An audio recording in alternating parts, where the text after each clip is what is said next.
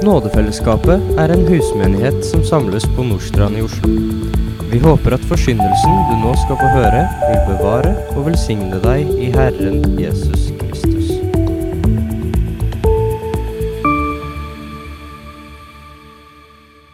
Det originale opptaket av denne talen hadde for dårlig lydkvalitet, og derfor så er denne talen blitt spilt inn igjen nå i ettertid. La oss be. Kjære Herre, vi ber om at uh, dette ditt ord kunne få lov til å nå inn til hjertene, Herre. Vi ber om at uh, du ved din Hellige Ånd måtte virke i oss og på oss på en slik måte som gjør at vi kan følge din vilje og se din herlighet. Det ber vi om i Jesu navn. Amen. Vi leser teksten slik den står i Matteus 12, vers 1-14. På den tiden gikk Jesus gjennom kornåkrene på en sabbat. Disiplene hans var sultne og begynte å plukke aks og ete. Men da fariseerne så det, sa de til ham, Se, disiplene dine gjør noe som det ikke er tillatt å gjøre på sabbaten. Men han svarte, Har dere ikke lest hva David gjorde da han var sulten, både han og de som var med ham? hvordan han gikk inn i Guds hus og åt skuebrødene som verken han selv eller de som var med ham hadde lov til å ete, men bare prestene. Eller har dere ikke lest i loven at prestene på sabbaten vanhelliger sabbaten i tempelet, og likevel er de uten skyld? Jeg sier dere, her er det som er større enn tempelet. Hadde dere visst hva dette betyr, jeg har behag i barmhjertighet, ikke i offer, så hadde dere ikke fordømt de uskyldige for menneskesønnen er herre over sabbaten. Så gikk han videre og kom til synagogen deres, og se, der var en mann som hadde en vissen hånd, og de spurte ham, er det tillatt å helbrede på sabbaten? Det var for å få noe å anklage ham for, men han sa til dem, hvem blant dere som har en sau, ville vel ikke gripe fatt i den og dra den opp dersom den falt ned i en grøft på en sabbat? Hvor mye mer verd er ikke et menneske enn en sau? Så er det da tillatt å gjøre godt på sabbaten. Så sier han til mannen, rekk hånden ut, og han rakte den ut, og hånden ble frisk igjen, som den andre.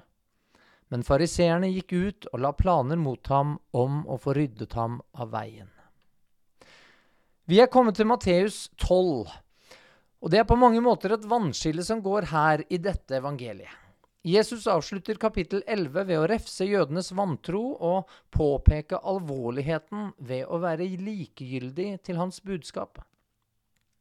Det er bare gjennom Jesus at en får samfunn med Faderen, med Gud.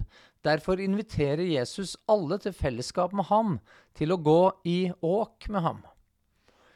Her i kapittel 12 og utover i resten av evangeliet blir det klart at det ikke bare er vantro og likegyldighet som preger jødene. Det blir klart at det i stadig større grad går over til en avvisning, motstand og direkte hat mot Jesus. På mange måter er det en oppfyllelse av det Jesus tidligere underviste i kapittel 10, om at disiplene vil bli hatet av alle for Jesu skyld. I dagens tekst er Jesus og disiplene ute på reise, og underveis så ble de sultne. Ofte glemmer vi at disiplene hadde forlatt alt de hadde ikke lenger noen inntekt. Flere av dem hadde kanskje heller ikke eget hjem. De måtte leve av det de fikk i gaver og hjelp fra familie og venner. Flere ganger i Bibelen ser vi at de hadde svært lite. I Matteus 17 blir det snakk om å betale tempelskatt. Det blir tydelig at verken Jesus eller disiplene hadde noen penger. Jesus gjorde det likevel slik at de fikk betalt skatten. Ikke fordi han måtte det, men for ikke å skape anstøt. Jesus sa og gjorde ting som ofte ble til anstøt for mange. Det vil vi se også i dagens tekst. Han gjorde det for sannhetens skyld.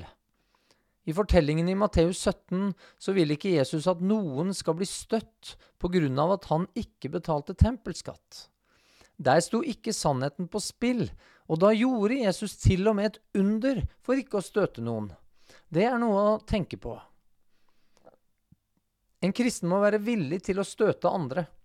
Være villig til at andre blir fornærma eller opplever seg krenket dersom det handler om sannheten, om veien til frelse. Samtidig skal kristne på den andre siden være mer ettergivende enn man egentlig trenger å være for ikke å skape anstøt. Ikke støte andre når det ikke handler om sannheten og frelsen. Det er derfor Paulus underviser at han ble en jøde for jødene og en greker for grekere, osv. Han ville ikke at ikke-essensielle ting, kulturelle ting og tradisjoner skulle stå i veien for at mennesker ble frelst. En kristen må altså strekke seg i begge retninger. Ingen av dem vil oppleves enkle. Men disiplene eide altså svært lite, så lite at det kan synes som om de ikke engang hadde med seg nok mat til niste på reisen. På Jesu tid var det ikke en kiosk på hvert gatehjørne, eller en hurtigmatkjede, kafé eller burgersjappe som også tilfeldigvis selger bensin langs veiene. Hadde de eksistert på Jesu tid, ville Jesus og hans disipler likevel neppe hatt råd til å spise der. De var satt i en situasjon der de måtte stole på Gud. Det var en del av disiplenes undervisning at de måtte stole på Guds forsyning. I eget liv så har jeg fått oppleve underfulle bekreftelser på Guds forsyning. Jeg kaller dem underfulle fordi den type forsyning egentlig er et større mirakel enn når Gud tilsidesetter naturlover. Det er enkelt for skaperen av himmel og jord å gå på vannet eller kurere sykdommer. Det er enkelt for Gud å gjøre under. Det som er mye mer underfullt, vanskeligere og derfor mye mer imponerende, det er når Gud gjennom syndige menneskers gjerninger, gjennom alle hendelser, gjennom tusenvis av år med historie som formes av menneskers frie valg og vilje, likevel, og på tross av alt dette, får gjennomført sin vilje, oppfylt sine profetier og gitt sine barn den forsyning som de trenger. Venner, det håper jeg dere har fått se eller vil få erfare i eget liv. Jesus og disiplene er altså ute på reise, og de har ikke mat med seg. Jesus kunne selvsagt ha gjort et under hver gang slike situasjoner oppsto, men det gjør han ikke. Denne gangen var det heller ikke nødvendig, for Gud hadde ordnet dette problemet for eh, ja, rundt 1500 år tidligere. I 5. Mosebok 23 så står det når du kommer inn i din nestes vingård, kan du ete druer så mye du vil, til du er mett, men du må ikke sanke noe i ditt spann. Når du kommer inn i din nestes kornåker, kan du plukke aks med hånden, men sigd må du ikke bruke på din nestes kornåker. Så når man altså var ute på reise, så gikk man forbi eller rett igjennom åkrer og vingårder, og Gud hadde laget det slik i sin lov at den reisende og fattig kunne skaffe seg føde.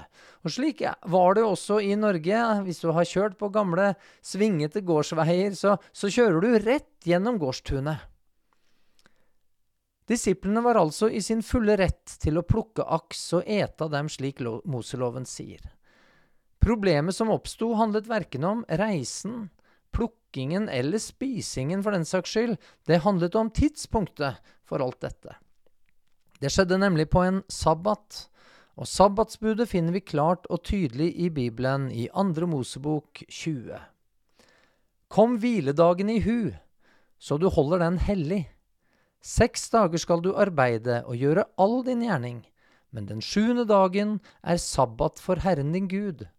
Da skal ikke du gjøre noe arbeid, verken du selv eller din sønn eller din datter, verken din trell eller din trellkvinne, eller ditt fe eller den fremmede som er hos deg innenfor dine porter.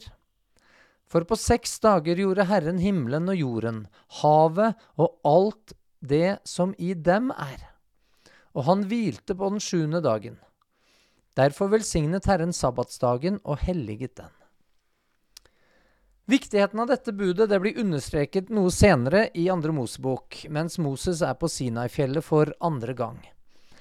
Og Herren sa til Moses, tal til Israels barn og si, mine sabbater skal dere holde, for det er et tegn mellom meg og dere fra slekt til slekt for at dere skal vite at jeg er Herren som helliger dere. Derfor skal dere holde sabbaten. Den skal være hellig for dere. Den som vanhelliger den, skal visselig lide døden. Hver den som gjør noe arbeid på den dagen, han skal utryddes av sitt folk. Det er seks dager til å arbeide i, men på den syvende dagen skal det være høyhellig sabbat, hellig for Herren. Hver den som gjør noe arbeid på sabbatsdagen, skal visselig lide døden. Og Israels barn skal ta vare på sabbaten, så de holder den slekt etter slekt, en evig pakt. Den skal være et evig tegn mellom meg og Israels barn. For i seks dager skapte Herren himmelen og jorden, og på den sjuende dagen hvilte han og holdt seg i ro. Det var altså dødsstraff i Moseloven for å ikke holde sabbaten. Dette tegnet mellom jødene og Gud var altså svært viktig fordi det skulle minne jødene på at det var Javé som helliget dem. Derfor skulle dette vare fra slekt til slekt, en evig pakt. Budet er klart, ingen skal gjøre noe arbeid på den dagen, og Guds eksempel er fra skapelsen, der han selv ikke arbeidet, men hvilte og holdt seg i ro. Det burde vel være enkelt å forstå, men så kom selvsagt spørsmålet hva er arbeid, og i hvor stor ro må man egentlig holde seg? Overholdelse av sabbaten sto helt sentralt i jødenes religiøse utøvelse. De hadde derfor laget et sinnrikt system rundt dette som ble så spissfindig at det ble en byrde for folk. Dagen til hvile ble egentlig det motsatte. Det ble dagen da alt ble ekstra tungvint, ekstra vanskelig. Den ble mer vanskelig enn dagene du faktisk kunne arbeide. Ja, dagen ble til og med farlig. I den mellomtestamentlige perioden så beskriver første Makaberbok 2 hvordan en gruppe jøder nektet å forsvare seg selv på en sabbat i møte med en gresk hær ledet av Antiokos Epifanes, forbildet på Antikrist. Og Det resulterte i at deres koner, barn og husdyr, rundt 1000 mennesker, ble drept. I Talmud, som er en samling av jødiske tradisjoner og rabbinsk tolkning, så er det 24 kapitler som alene er dedikert til lover bare rundt sabbaten. 24 kapitler! En regel sier f.eks. at lengden en kunne bevege seg fra sitt hus, det var rundt 900 meter. Og så kommer altså det spissfindige. Dersom en hadde mat plassert 900 meter fra sitt hus, så kunne man gå ut for å spise det, siden maten ble regna som en del av husstanden. Og da kunne man altså gå 900 meter bortenfor maten igjen. Og du kan jo tenke deg hva folk gjorde da med, med mat for å kunne utvide altså lengden man kunne gå. Det var regler for hva man kunne plukke opp og sette fra seg.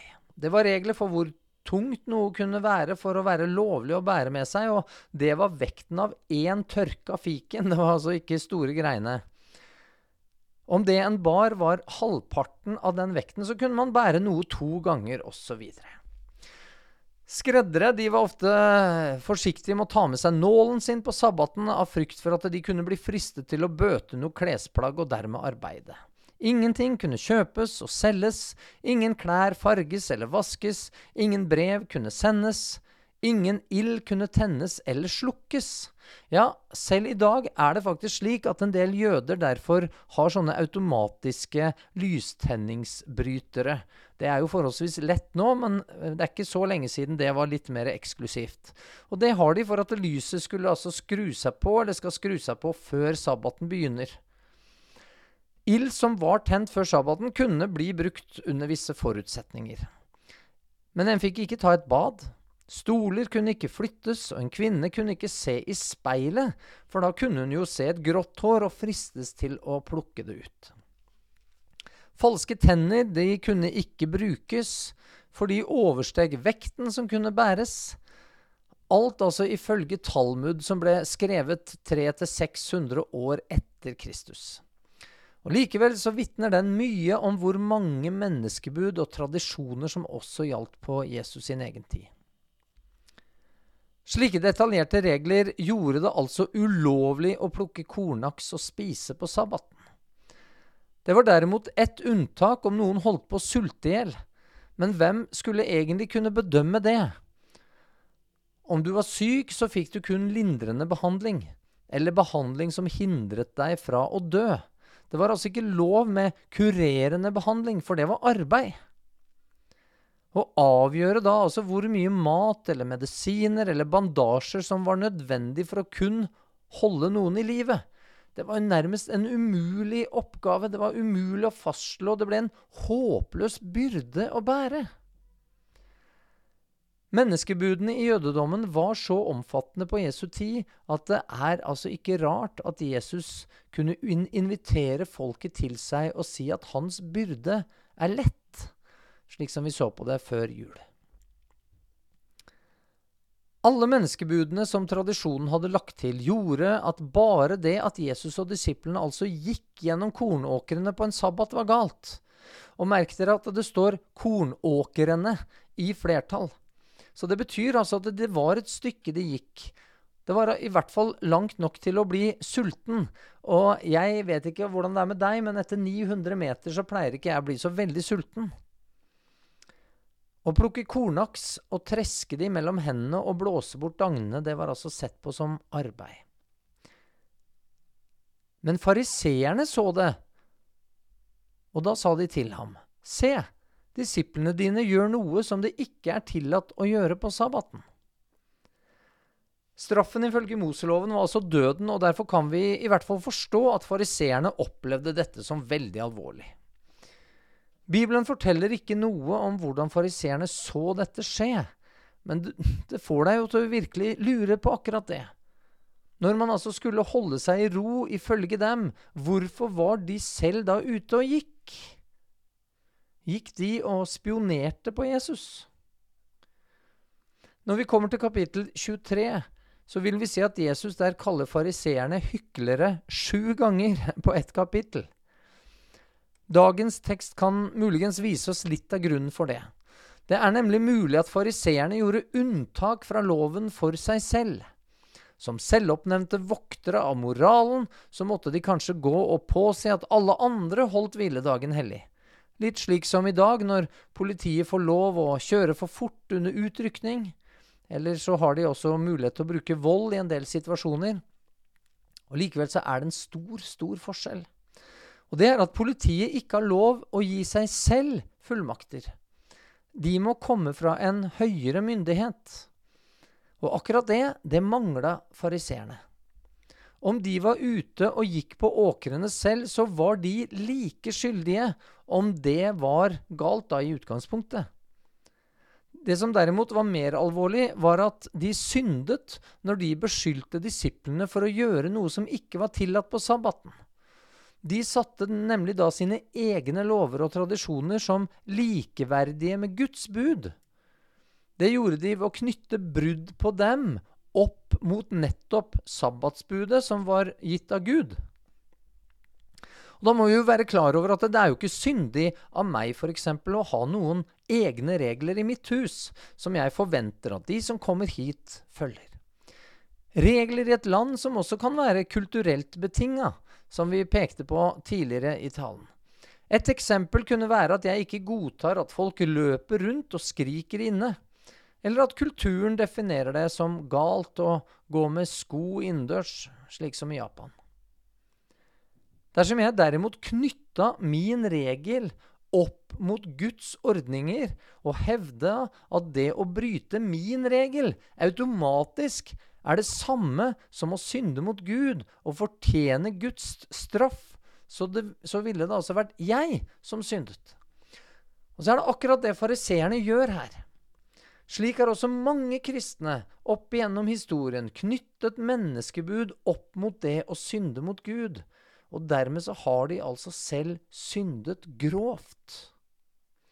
Selv så vokste jeg opp med noen regler forbundet til hva jeg skulle gjøre på søndagen.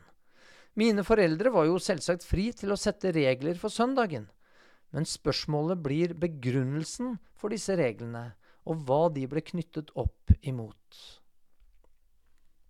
Så er det likevel altså greit å igjen minne på at som kristen så går vi ikke med sko inne i Japan, for da skaper vi falske anstøt.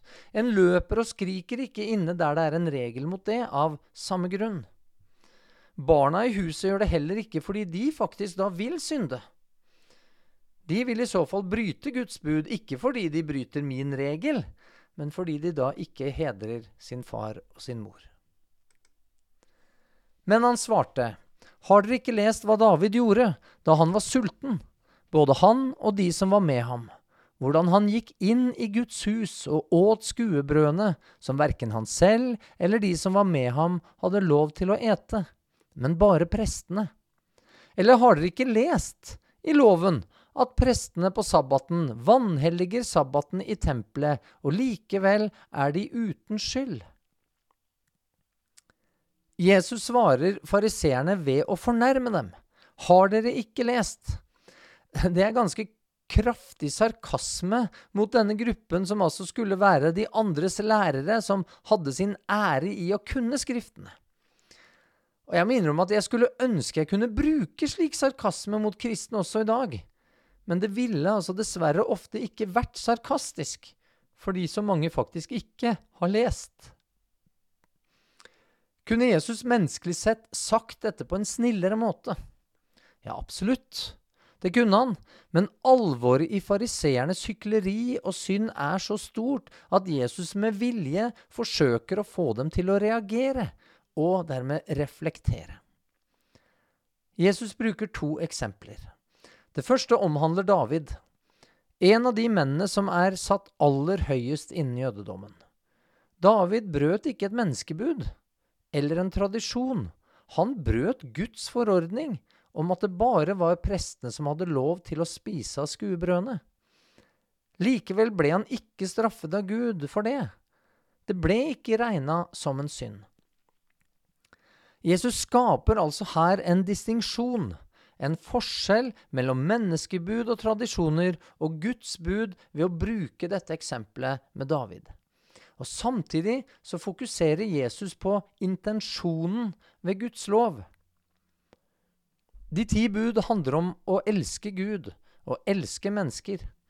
De er summert opp i det doble kjærlighetsbudet om å elske Gud og sin neste som seg selv. Loven er gitt til menneskers beste. Sabbatsbudet var blitt så sentralt fordi kjærligheten ikke lenger var drivkraften i jødisk religiøsitet.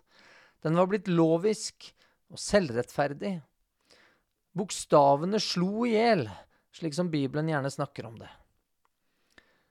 Merk deg at blant de ti bud så er sabbatsbudet det eneste som ikke handler om moral. Det er det eneste som er seremonielt. I Det nye testamentet finner, de, finner vi de ni andre budene repetert, og de er også videre utlagt, mens det å følge sabbaten aldri er anbefalt, og langt mindre gitt som et påbud til kristne. Jesus oppfylte alle de seremonielle kravene, og du husker at sabbatsbudet det handlet om at Gud skulle helliggjøre folket. Det var det det var ment å minne om. Med Jesu død og oppstandelse så var dette nå reelt mulig. Vi blir helliggjort gjennom troen på ham. En Jesu etterfølger er derfor, som Paulus beskriver det, fri på dette området. Og i Romerne 14 så skriver altså Paulus Den ene setter én dag høyere enn en annen dag. Den andre holder alle dager for å være like. Enhver må bare være fullt viss i sitt eget sinn. Den som akter på dagen, gjør det for Herren, og den som ikke akter på dagen, han gjør det for Herren. Det er nå altså kun et samvittighetsspørsmål, dette som har med sabbaten å gjøre.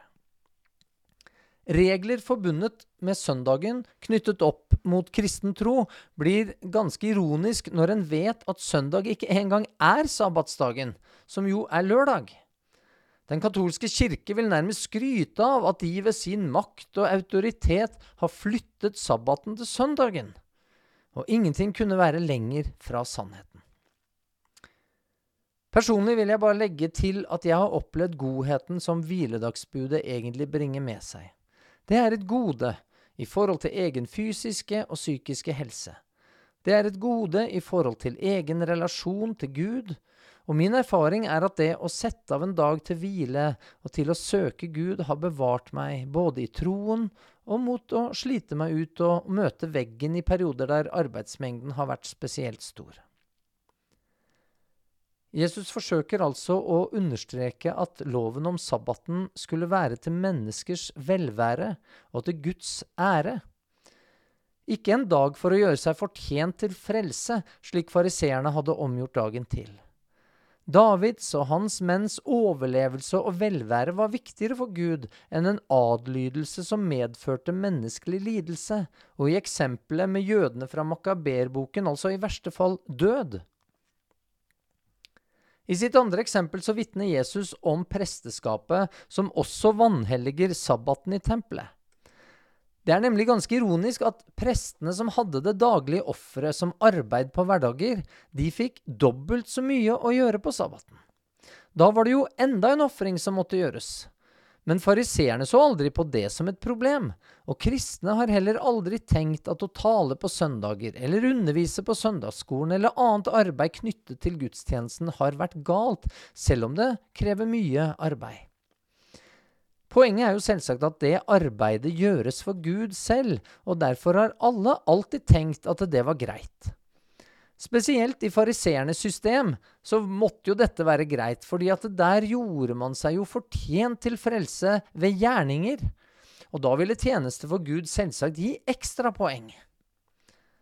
Med det som bakteppe så skjønner dere kanskje poenget Jesus kommer med.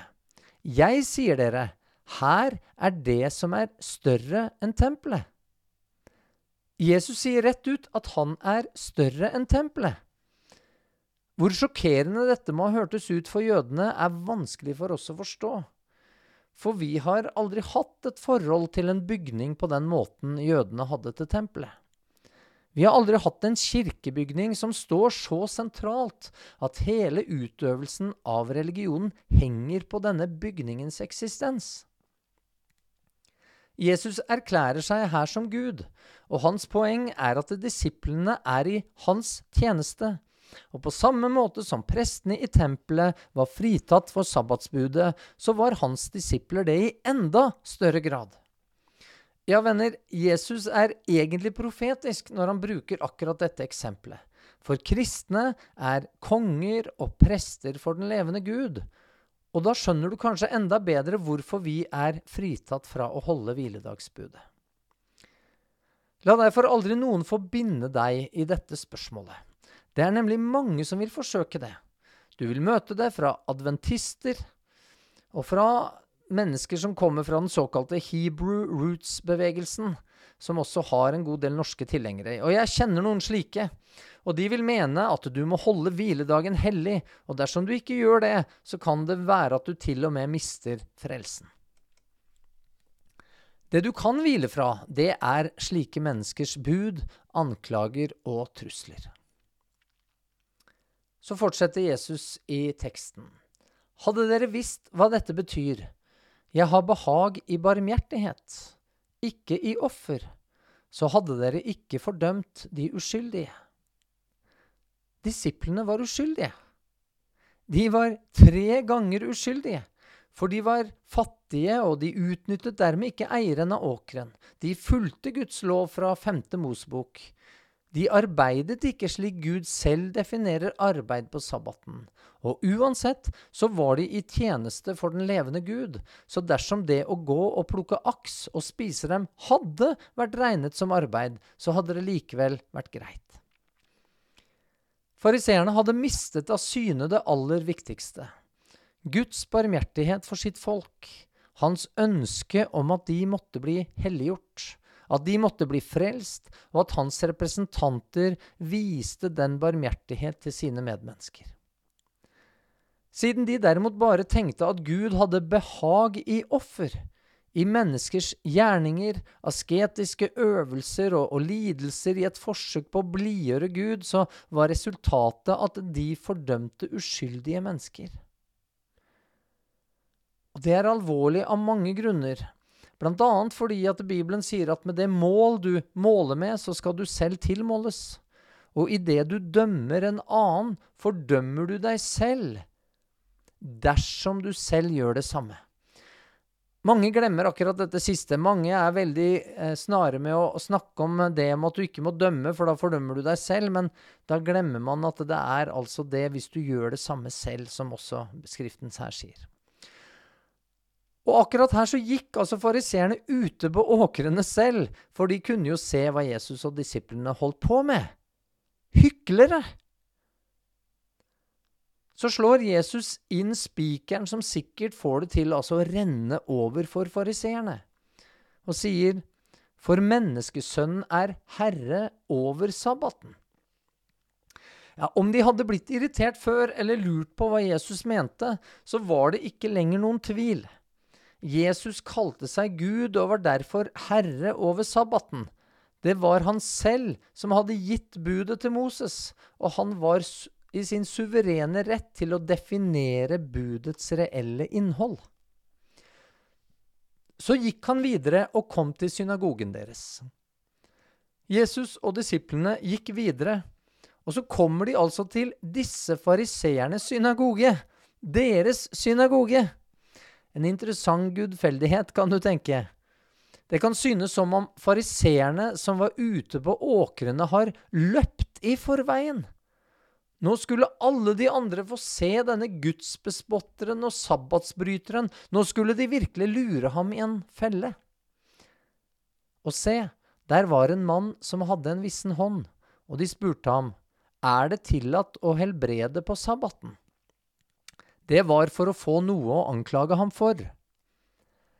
Mannen med en vissen hånd er neppe tilfeldigvis i synagogen akkurat når Jesus kommer dit. Nei, mest sannsynlig så har fariseerne dratt ham med seg inn dit nettopp for å få noe å anklage Jesus for. Tenk, de bruker ham. De, de misbruker en syk mann på den måten. Og da blir det veldig lett å se at dette på ingen måte handler verken om kjærlighet til Gud eller til mennesker. Fariseerne er kun ute etter egen ære, etter egen opphøyelse og etter å helliggjøre seg selv i egne øyne. Rettferdiggjøre sitt sinne, sin forakt og sitt hykleri fordi de må ha kjent sin samvittighet bli opptent av Jesu ord. De måtte finne en måte å klare å opprettholde sin egen integritet i egne øyne. De hadde kanskje brutt flere av sine egne sabbatsbud bare for å få mannen med den visne hånd til synagogen i tide. Disse viste ingen omtanke for denne mannen. Alt gjorde de kun for sin egen del. Det var helt annerledes med Jesus. Men han sa til dem, Hvem blant dere som har en sau, ville vel ikke gripe fatt i den og dra den opp dersom den falt ned i en grøft på en sabbat? Hvor mye mer verd er ikke et menneske enn en sau? Jesus han påpeker noe han laga et poeng som også mange mennesker i dag burde legge seg kraftig på sinnet. Mennesker som skriker om dyrs rettigheter og protesterer mot pels og, og går i tog for å hindre en ulv i å bli skutt, mens de klapper for et sorteringssamfunn der de med Downs syndrom aldri blir født, for utvidede abortgrenser, og kaller det helsefremmende tiltak og en rettighet. Forbannede hyklere! Jo visst skal vi vise omsorg mot dyrene.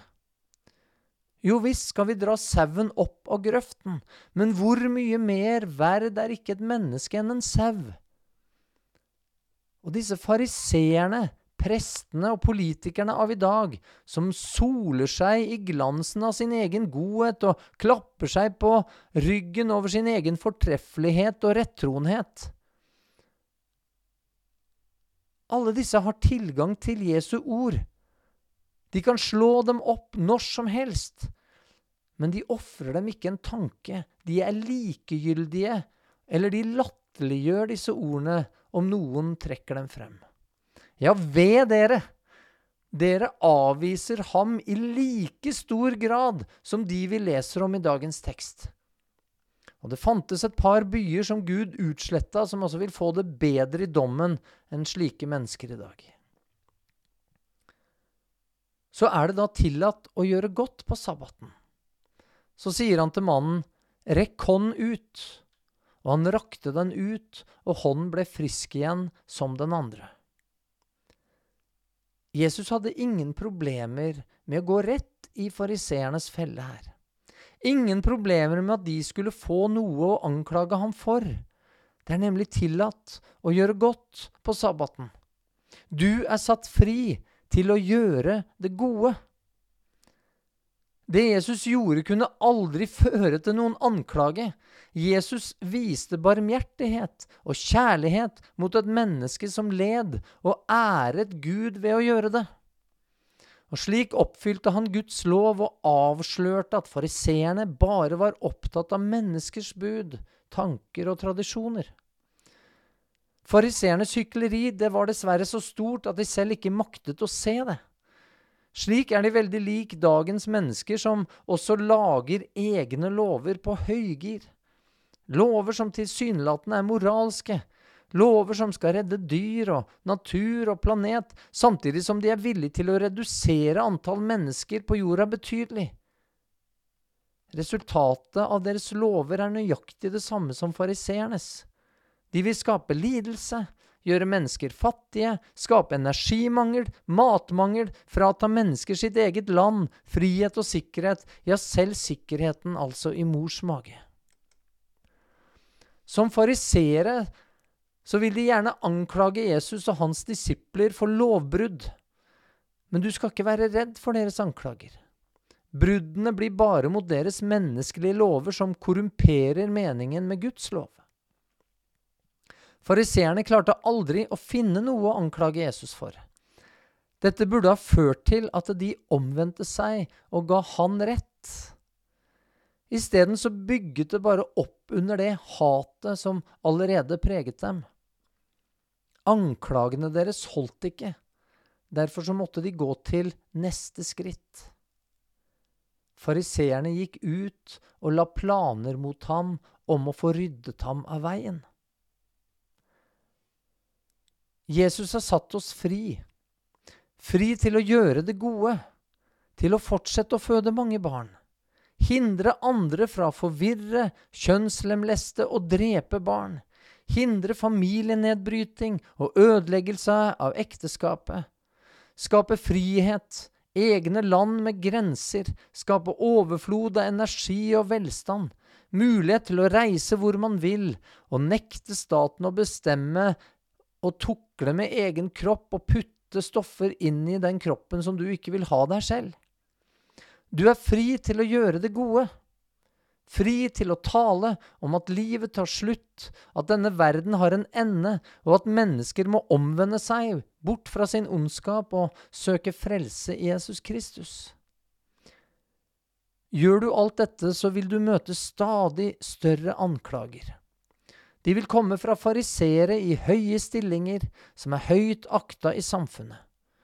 De vil i større og større grad også komme fra folkemengden, mennesker som kaller seg kristne. Men anklagene de vil ikke holde. De vil være grunnløse, for de er basert på løgner. Ut fra endetidsbeskrivelsene i Bibelen så kan det synes som om det etter hvert vil legges planer om å få ryddet disipler som bryter slike menneskebud av veien. Men så lenge du lever, så er du fri til å gjøre det gode, også på sabbaten. Hviledagsbudet, det er opphevet, men vi har nå det som er bedre. For vi kan hvile i det Jesus har gjort. Kjære Herre, vi takker deg for ditt ord til oss. Vi takker deg for friheten. Vi takker deg for at vi er fri til å gjøre det gode, Herre. Herre, la det bli viktig for oss. La det bli viktigere for oss å gjøre det gode enn å følge menneskebud og lover som kommer i stadig større grad, og som vil hindre oss i å gjøre det gode. Det ber vi deg om i Jesu navn. Amen.